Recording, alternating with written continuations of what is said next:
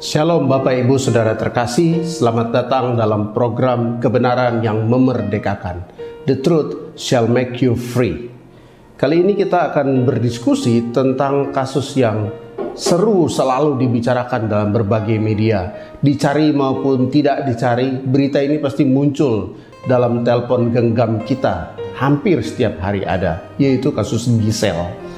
Nah, hari ini yang saya baca, Gisel mengatakan bahwa saya berharap melalui pernyataan ini saya bisa dibukakan pintu maaf yang sebesar-besarnya dari semua pihak, terutama sekali dari yang saya kasihi kedua orang tua saya dan seterusnya.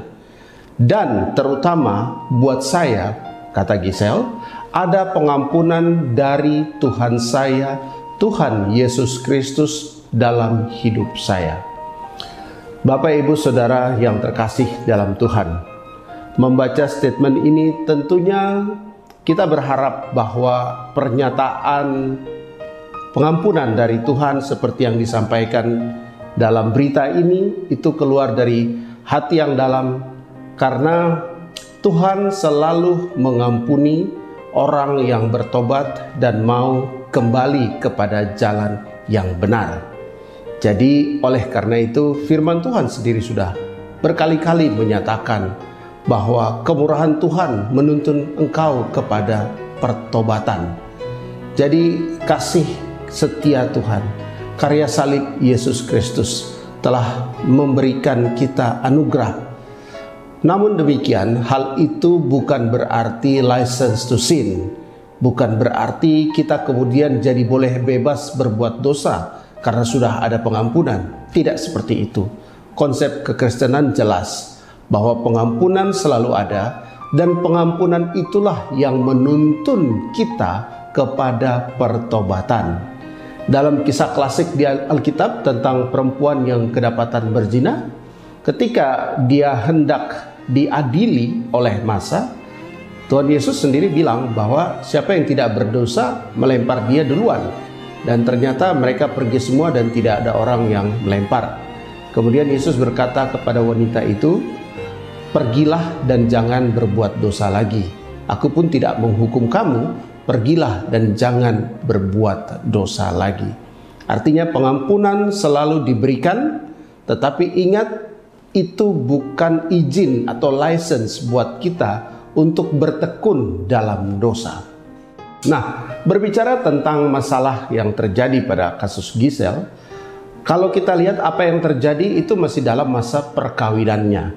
Nah, karena Gisel beragama Kristen, maka kita lihat dari kitab Ibrani 13 ayat 4 yang seharusnya menjadi pegangan buat setiap orang Kristen dalam kehidupan berumah tangga.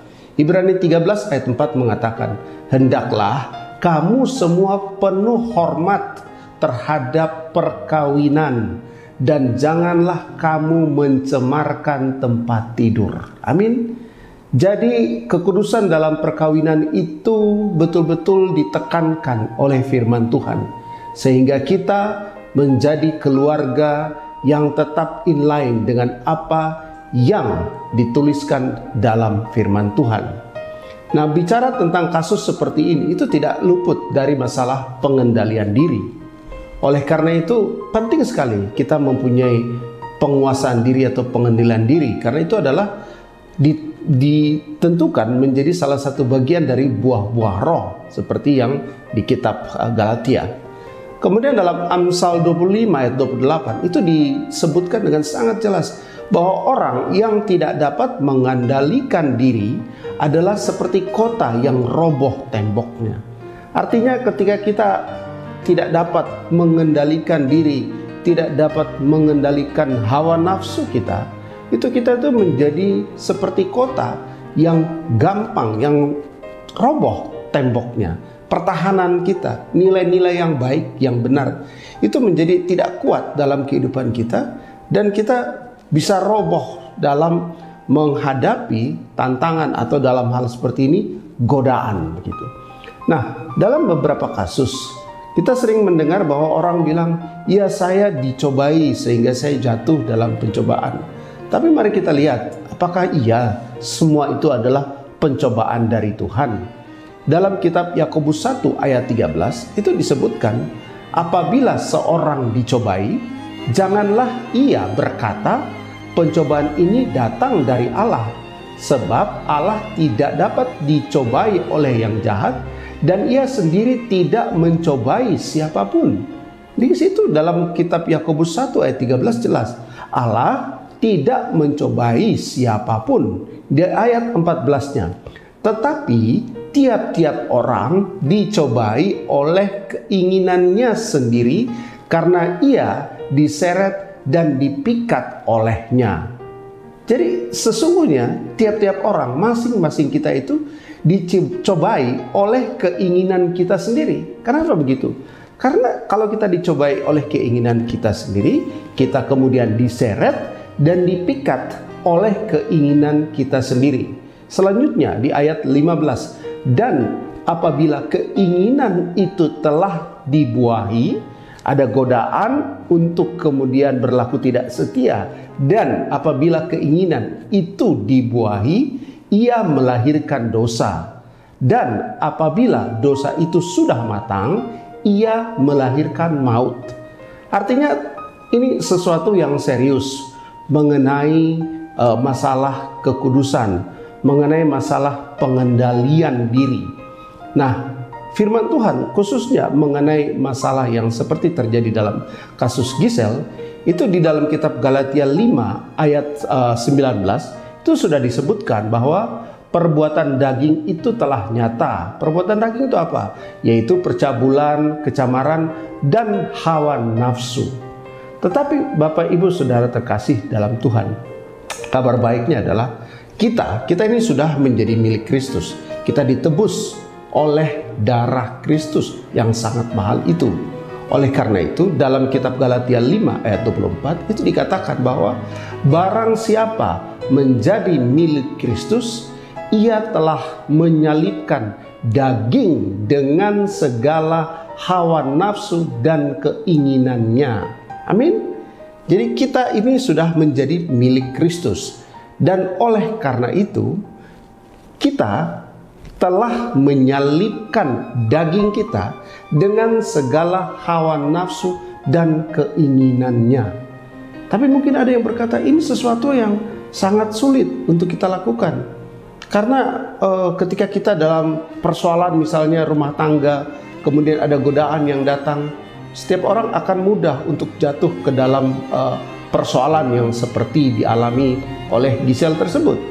Tetapi melalui firman Tuhan kali ini, Sekali lagi Bapak Ibu Saudara terkasih, memang betul banyak hal yang tidak dapat kita atasi dengan kekuatan manusia kita sendiri. Karena firman berkata, roh itu penurut tapi daging lemah. Artinya, kita bisa saja terseret oleh dosa. Tetapi melalui renungan ini kita belajar bahwa ketika kita memiliki fellowship, pergaulan yang erat dengan Tuhan, maka kita akan led by the Spirit, dituntun oleh roh, bukan oleh daging. Dan ketika kita dituntun oleh roh, bukan oleh daging, maka kita akan dimampukan untuk menolak atau terhindar dari perbuatan-perbuatan yang seperti itu. Kita percaya Bapak Ibu sudah terkasih, kita adalah orang yang sudah dibenarkan oleh darah Kristus. Dan oleh karena itu kita adalah orang yang jujur dalam kitab Amsal 11 ayat 6 itu disebutkan orang jujur dilepaskan oleh kebenarannya ya. Jadi orang jujur dilepaskan oleh kebenarannya. Tetapi pengkhianat tertangkap oleh hawa nafsunya. Nah, jadilah orang jujur, jangan jadi pengkhianat. Karena ketika jadi pengkhianat, Amsal jelas mengatakan bahwa pengkhianat itu tertangkap oleh hawa nafsunya. Jadi kitab Amsal ini inline dengan apa yang disebutkan di dalam kitab Yakobus tadi. Bahwa itu semua karena cobaan bukan dari Tuhan, tetapi dicobai oleh keinginan sendiri. Dan oleh karena itu di sini pentingnya kita memiliki fellowship, hubungan yang erat dengan Tuhan sehingga kita diluputkan atau tidak jatuh ke dalam dosa yang seperti itu. Tuhan memberkati.